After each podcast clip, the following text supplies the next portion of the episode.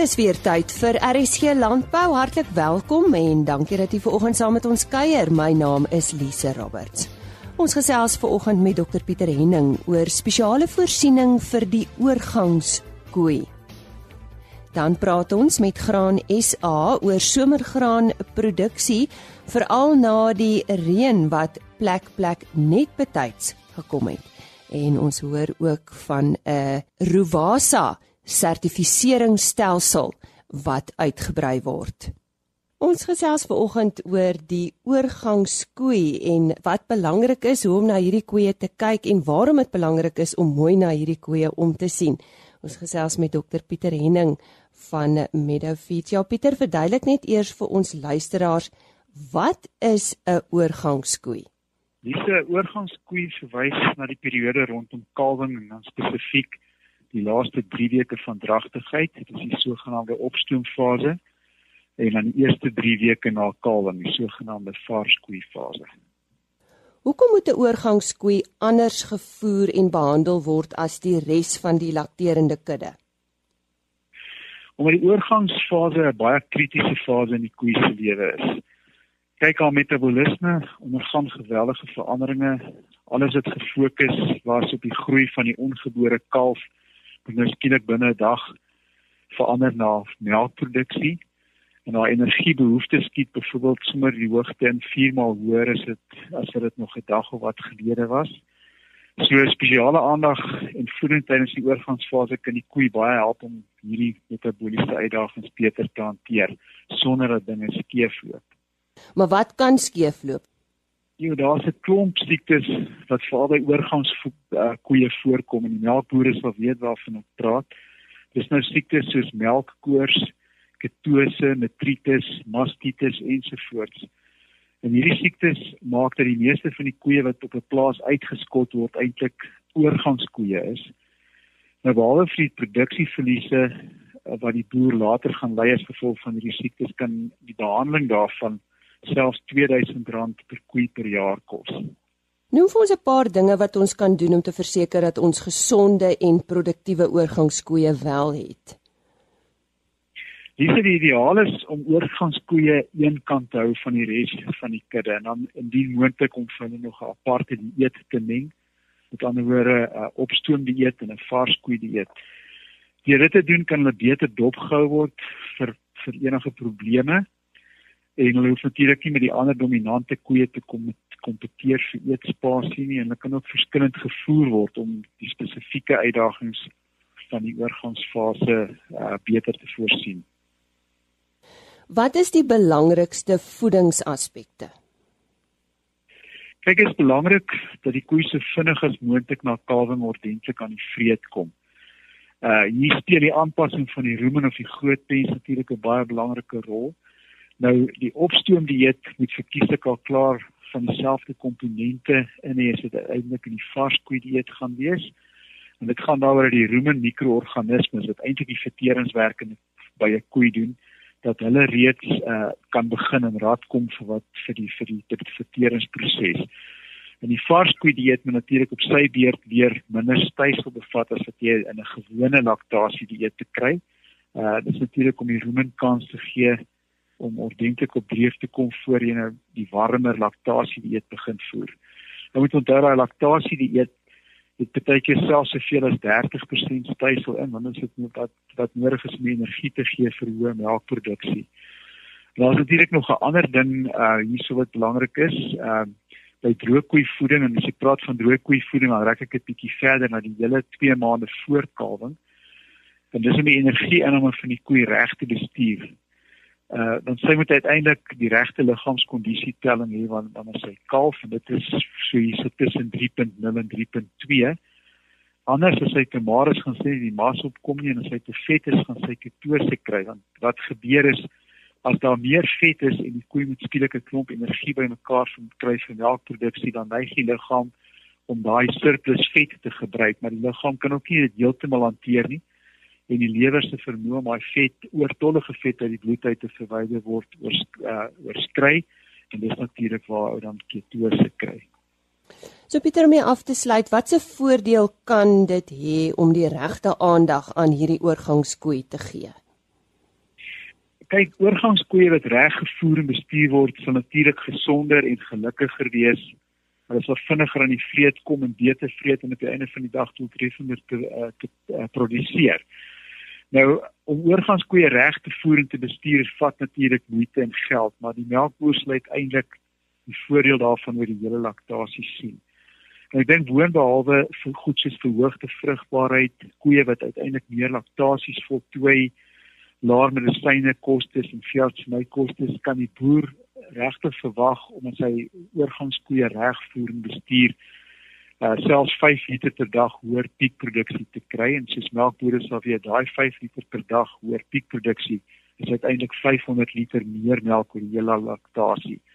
En daar's genoeg navorsingsresultate wat bevestig dat dit wel moontlik is. So baie dankie aan dokter Pieter Henning van Meadow Feeds en hy het met ons gesels oor uh, die oorgangskoei en wat belangrik is om in ag te neem wanneer 'n koei daardie stadium bereik. Jolande Rood staan gereed met ons nuutste wolmark verslag en dit is wolpryse vanaf veilinge in Port Elizabeth. Die 27ste veiling van die 2018-19 wolseisoen het vandag plaasgevind met 'n aanbod van 5747 bale waarvan 87,6% verkoop is.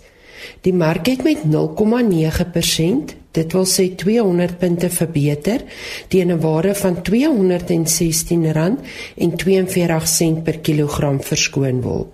Die Cape Wools alle wolaanwyser het met 0,9% beter gesluit as met die vorige veiling.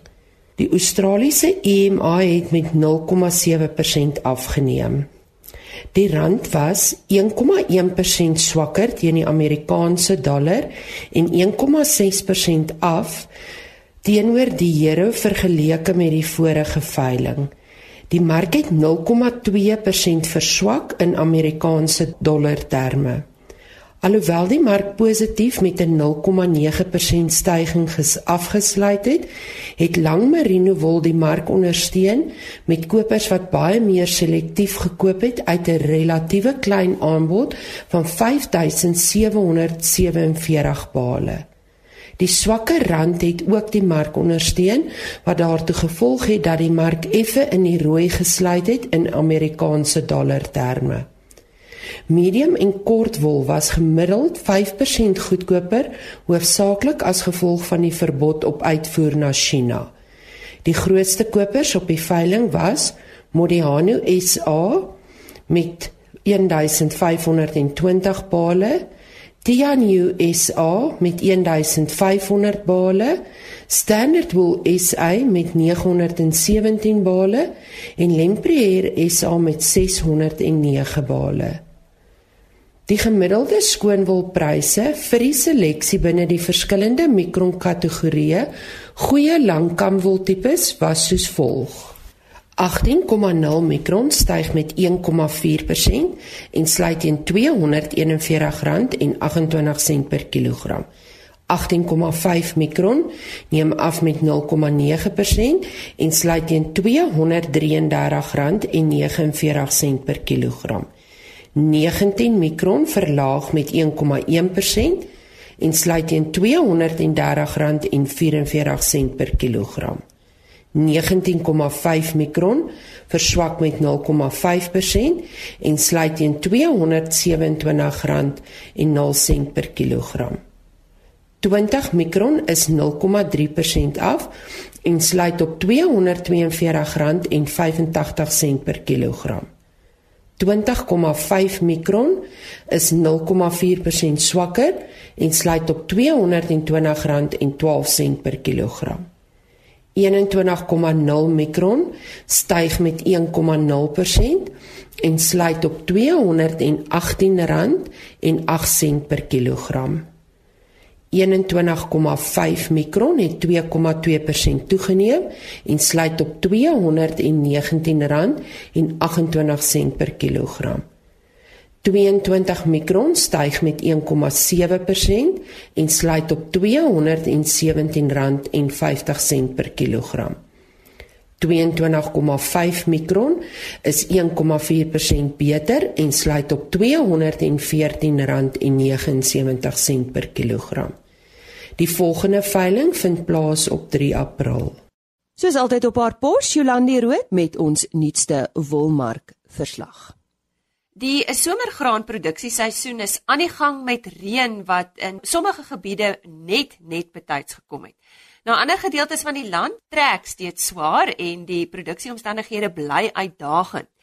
Die groot vraag is egter wat beteken dit in terme van die vraag en aanbod van somergrane vir hierdie seisoen? En eh, soos altyd praat ons met Loan van der Walt, hy's ekonoom by Graan Suid-Afrika.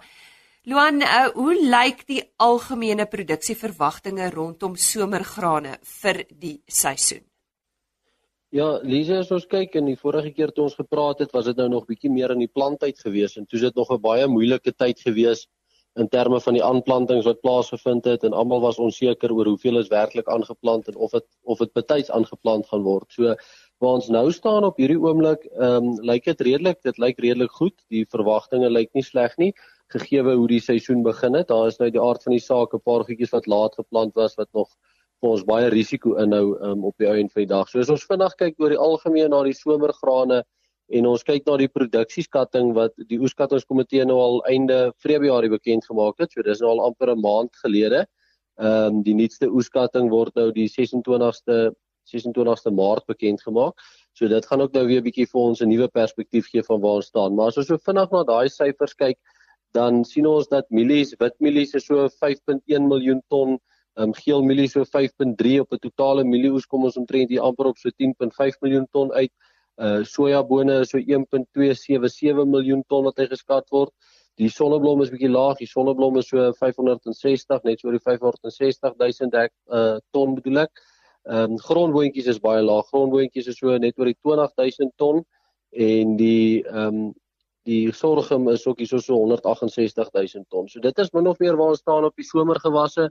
Ehm um, as ons kyk na die opbrengsverwagtinge dan sien ons dit is maar redelik vir al die somergewasse onder gemiddelde opbrengsverwagtinge uh wat op hierdie stadium geskat word vir die seisoen. In watter dele uh lyk omstandighede goed? Ja, Lise, as ons bietjie kyk na meer na die ooste, die vorige keer het ons ook baie gepraat oor die split tussen die ooste en die weste, ehm um, wat plaasvind. So die ooste wat bietjie beter lyk is die weste, die weste het baie laat geplant. So selfs op hierdie op hierdie stadium ook hier in die Hoëveld area, die Mpumalanga area, ehm um, lyk dit nogals lyk dit goed. Die gewasse is besig om af te droog. Die sojabone behoort seker so oor die volgende 2 weke sal die eerste sojabone gestroop word.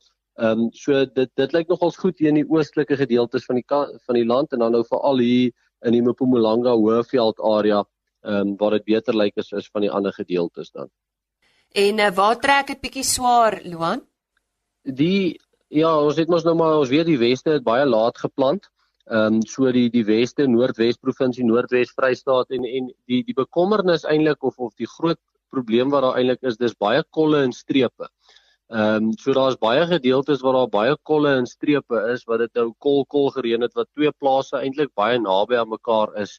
Ehm um, en die een plaas trek baie swaar en die ander plaas lyk nou weer lyk weer baie goed. So dit is nogals bietjie van 'n uitdaging.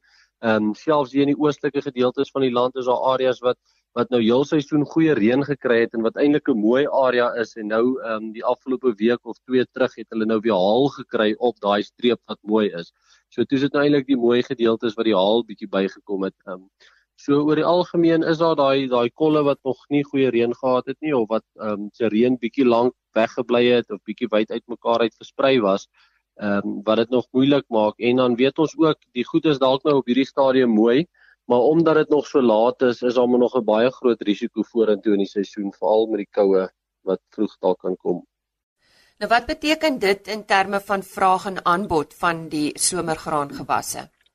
Ja, Lisa, ek dink die groot ding is altyd ons ons kyk nou ons het baie die laaste terug gekyk na die produksie. Ehm um, so om net bietjie 'n breër konteks oor dit is oor dit te skep as ek nou praat van 'n 10.5 miljoen ton mielieoes.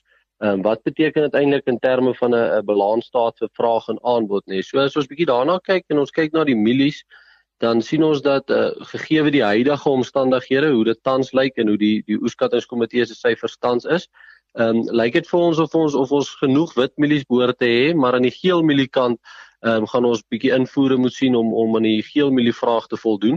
So ons is bietjie bietjie laag op die geelmieliekant soos hy tans staan. Daar is al reeds invoere wat besig is om in te kom vir die huidige seisoen en dan behoort ons nog heelwat invoere te sien um, vir die vir die volgende seisoen ook veral in die geelmieliekant, maar dit sal maar meer kus invoere wees daar Weskaap en miskien in die PE daai gedeelte sal dit weer wees. Ehm um, in terme van sojabone het ons die afgelope 2 tot 3 jaar eintlik groot voorraadvlakke gehad met groot oordragvoorrade wat ons gehad het. Uh maar die vraag het ook nogals mooi opgekom by sojabone. So die toename in die vraag uh, saam met bietjie die afname in die produksie of die laer produksie hierdie seisoen Ehm um, lyk dit vir ons of ons nog steeds as ons kyk na gemiddelde verbruik en 'n bietjie bo gemiddelde verbruik of ons genoeg sojabone gaan hê uh en dat ons selfs bietjie van die van die oordragvoorrade kan begin wegwerk dat ons bietjie nader aan normale voorraadvlakke kan kom. Ehm um, sojabone. Sonneblom het ons ook heelwat tekort. Daai sonneblom is min. As ons kyk na ons gemiddelde verbruik sien ons die sonneblom is baie min. So die groot vraag gaan my hierdie seisoen wees, uh wat gaan ingevoer word? Gaan dit die die rou sonneblom saad wees of gaan dit die produkte wees wat dan die sonneblomolie en die en die sonneblom uh oliekoek is wat dan eerder ingevoer word ehm um, wat bietjie daai dinamiek van die sonneblommark gaan verander. In die in die grondboontjie mark het ons ook baie min grondboontjies en daar gaan ons heeltemal of daar gaan ons heelwat moet invoer. En dan aan die ander kant die sorgemark soos hy tans staan op die huidige skatting Ehm um, lyk dit vir ons of ons genoeg sorg om gaan hê om ons plaaslike verbruik te voldoen. So daar gaan ons nie noodwendig 'n uh, invoere van sorgum nodig hê die komende seisoen nie. So Luan, wat is die belangrikste aspekte wat produsente in gedagte moet hou vir die res van die seisoen? Ja, Lisa, ek dink daar daar is maar nog baie onsekerhede in die in die seisoen hè. Ons het nou gesien die eerste oeskattingskomitee se syfers uh, het nou dus redelike 'n goeie 'n goeie syfer gewees. Ehm um, so daai 10.5 miljoen op die mielies en oor die algemeen op die gewasse maar uh, verder die seisoen het nog baie gebeur voor 'n oes regtig realiseer. Ehm um, so daar is nog baie onsekerhede oor die algemeen bring daai onsekerhede maar ook weer baie onsekerhede na die mark toe en ons sien die groot prysbewegings in die mark wat plaasvind. Ehm um, en dit kan baie keer die, die mense in die mark of die produsente bietjie paniekerig maak. So ek dink daar gegee word die baie onsekerhede wat daar nog is Ehm um, dink ek produsente moet maar van die geleenthede gebruik maak in die mark om derentyd 'n goeie 'n goeie prys te probeer kry en en gedeeltelik begin bemark ehm um, soos die mark vir jou geleenthede gee teen die redelike hoër prysvlakke waar ons tans is. Ehm um, moet die produsente maar begin bietjie bemark uh, om vir jou 'n goeie gemiddelde prys deur die seisoen te probeer kry. Nou ja. Dit is 'n stem van Loan van der Walt, hy's ekonom by Graan Suid-Afrika en hy het met ons gepraat oor die somergraan produksieseisoen en eh, die reën wat in sommige gebiede net net betyds gekom het. Volgende aan die woord is eh, Frans de Klerk en eh, ja, hy gesels soja en randsake. Lisa, ons moet sojaprys kyk en ek wil kyk na die Julie kontrak en die rede hoekom ek na die Julie kontrak wil kyk Die prys het 'n lekker afverkoop gehad hier rondom R5320 al die pad na 4800 toe 'n paar dae terug. Dit was hier so in vroeg Maart. En wat ek nou sien is is dat hierdie prys is besig om te konsolideer, maar wat nou lekker is aan hierdie prys, hy skep nou wat ons noem 'n pragtige omgekeerde kop en skouer. Nou net vir boere wat nou nie weet hoe lyk 'n omgekeerde kop en skouer nie, dis nou presies soos 'n man wat op sy kop staan.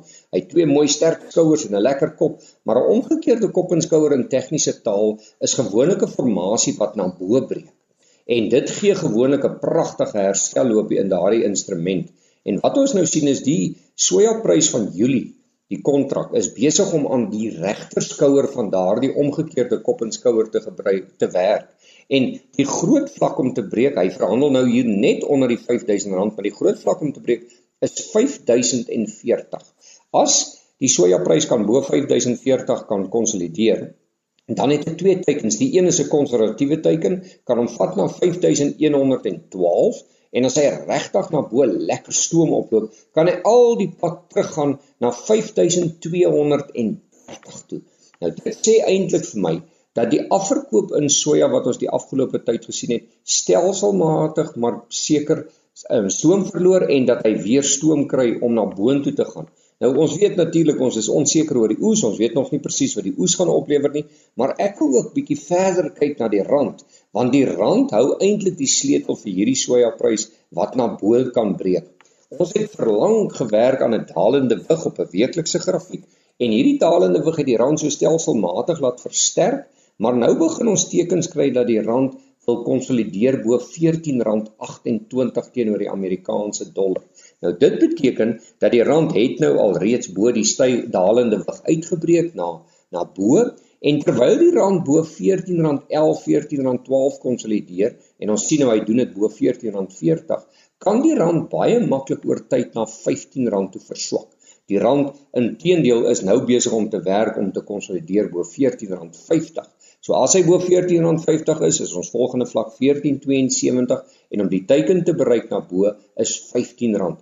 Nou, as luisteraars net na dit luister, dan kan hulle net sê dat soja is beslis 'n baie goeie randverskanser en met die onsekerhede rondom die oes As die rand hier rondom 14.50, 14.60 gaan begin vaskop, gaan dit nie lank wees dat soja daai omgekeerde kop en skouer na boontoe breek nie, maar ek wil net vir boere daarom tog 'n keerverlies gee. Inteendeel, as jy dit koop, gebruik tog maar net 'n keerverlies van R4890 om jou kapitaal te beskerm, maar hierdie tegniese grafiek lyk eintlik vir my baie mooi.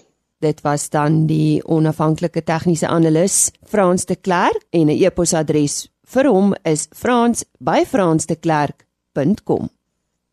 Nou eers nuus vanaf Vrystaat Landbou. Die 2019 finaliste in Vrystaat Landbou se Jongboer van die Jaar kompetisie is aangewys volgens uh, professor Pieter Fourie, sameroeper van die beoordelaars en hoof van die departement van landbou by die Sentrale Universiteit vir Tegnologie is dit vier spesiale mense wat in enige bedryf 'n sukses sou kon maak. Dit is die 24ste keer wat uh, hierdie finaliste aangewys is by Vrystaat Landbou en hier is dan die vier finaliste. Milne Bredenkamp en Henk Harmse van Bultfontein. Herman Janse van Rensburg van Alikton en Ludwig Becker van Worden. Die wenner stap weg met 'n Vrystaat Landbou kontantprys as ook ander pryse van verskeie borge en sal outomaties aan die Toyota Agri SA Nasionale Jongboer van die Jaar kompetisie deelneem. Ons gesels nou met professor Dietmar Hollem oor 'n nuwe sertifiseringsstelsel wat Rovasa ingestel het. Nou vir die wat u nie weet nie, Uh Ruvasa staan vir die Ruminant Veterinary Association of South Africa of die herkouer uh veterinêre vereniging van Suid-Afrika. Uh dit maar ja, miskien kan jy net vir ons verduidelik uh hierdie nuwe sertifisering stelsel presies wat dit is en vir wie dit is. Goed, baie dankie. Die uh nuwe sertifiseringsstelsel is nie heeltemal nuut nie. Gedeeltes daarvan is nuut en gedeeltes is 'n uh, projek wat al oor 'n tydperk ontwikkel is deur Rovasa. Dit is 'n sertifiseringsstelsel wat aanlyn werk, elektroniese sertifiseringsstelsel wat gebruik word vir uh, die sertifisering van teelgeskiktheid van manlike diere. Ehm um, spesifiek bulle is is uh die groot ontwikkeling aanvanklik gewees en wat nuut is nou is dat ons nou die ramme sertifiseringsstelsel ook ehm um, weer aktief gemaak het nadat uh, Rovasa 'n paar ontwikkelings gedoen het wat nodig was om die om die ehm um, stelsel net in lyn te kry met die behoeftes van die boere.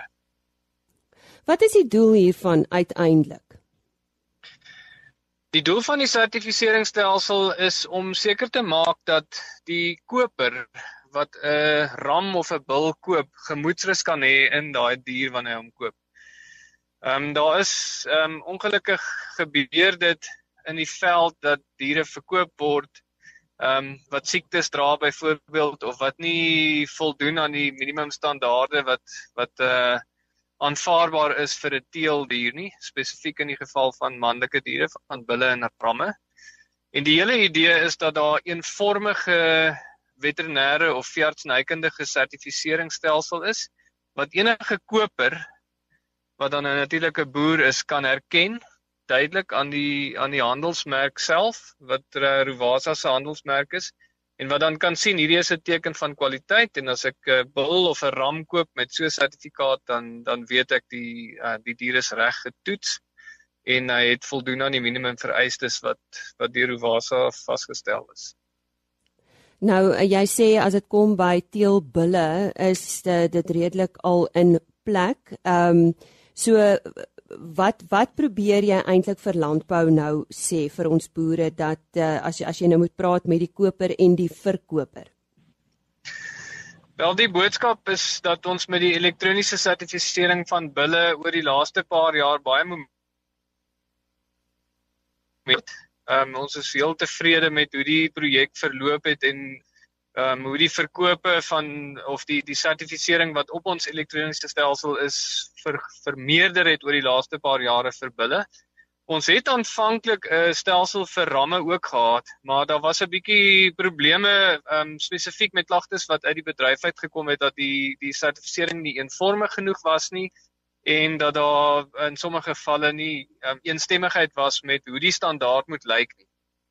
Uh, Rovasa het nou oor die laaste ongeveer 'n jaar omtrent van ons vorige kongres af wat hier in die wintermaande is, het ons toe nou 'n projek geloods om weer die die standaard vir ramme um mooi eenvormig te kry en vas te stel. En ons het dit toe nou weer oorgedra na die elektroniese stelsel toe. So daai stelsel is nou in plek en veeartse word nou aangemoedig om om die Rovasa stelsel te gebruik vir sertifisering sodat boere kan sien wat is die kwaliteit wat hulle koop. Dit maar wanneer gaan dit moontlik wees om suits uit te rol na ons meer informele mark toe? Want dis mos maar eintlik waar die probleme lê op die oud uiteinde, is ek reg?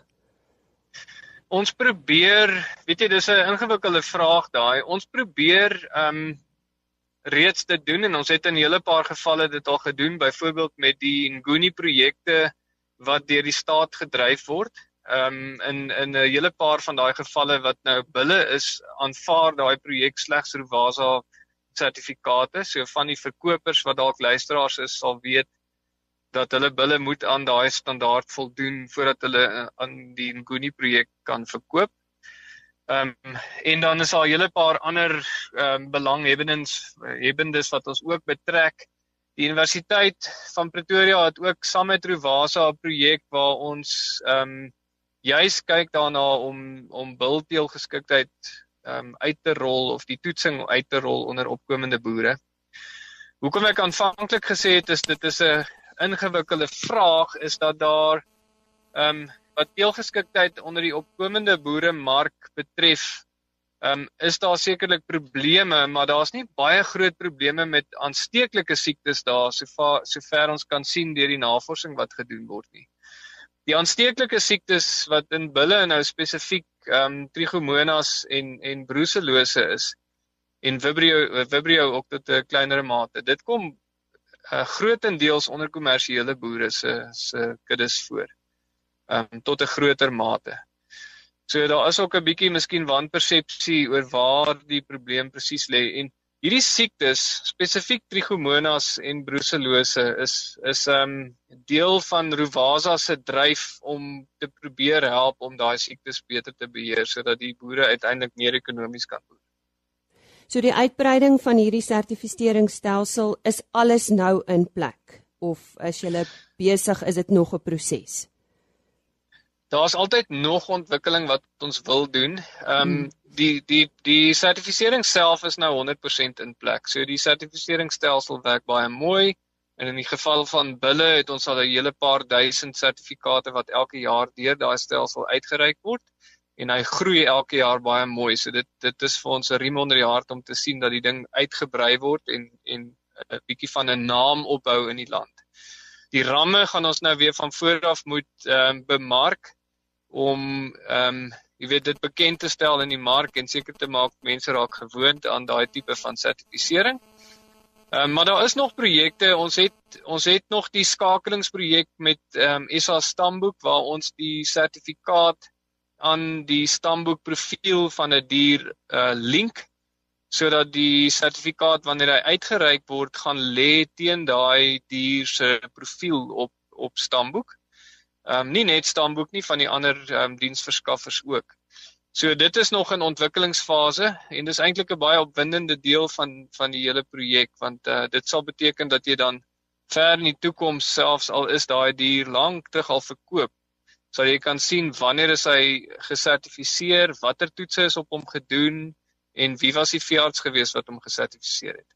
Nou ja, dit was dan professor Dietmar Holm wat met ons gesels het oor die Rowasa sertifisering stelsel wat uh, uitgebrei word en nie nuut is nie, maar uh, wat vinnig in plek sal wees.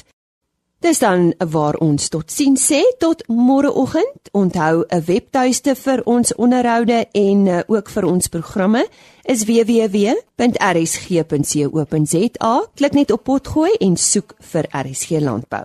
Alternatiefelik www.agriorbit.com en onthou daardie .com. Daar word die onderhoude apart gelaai onder uh, radio en video en daar is ook baie ander landbounuus op hierdie webtuiste www.agriorbit.com. Onthou môreoggend weer by ons aan te sluit. Totsiens. RSG Landbou is 'n produksie van Plaas Media. Produksieregisseur Henny Maas. Aanbieding Lisa Roberts. En inhoudskoördineerder Jolandi Root.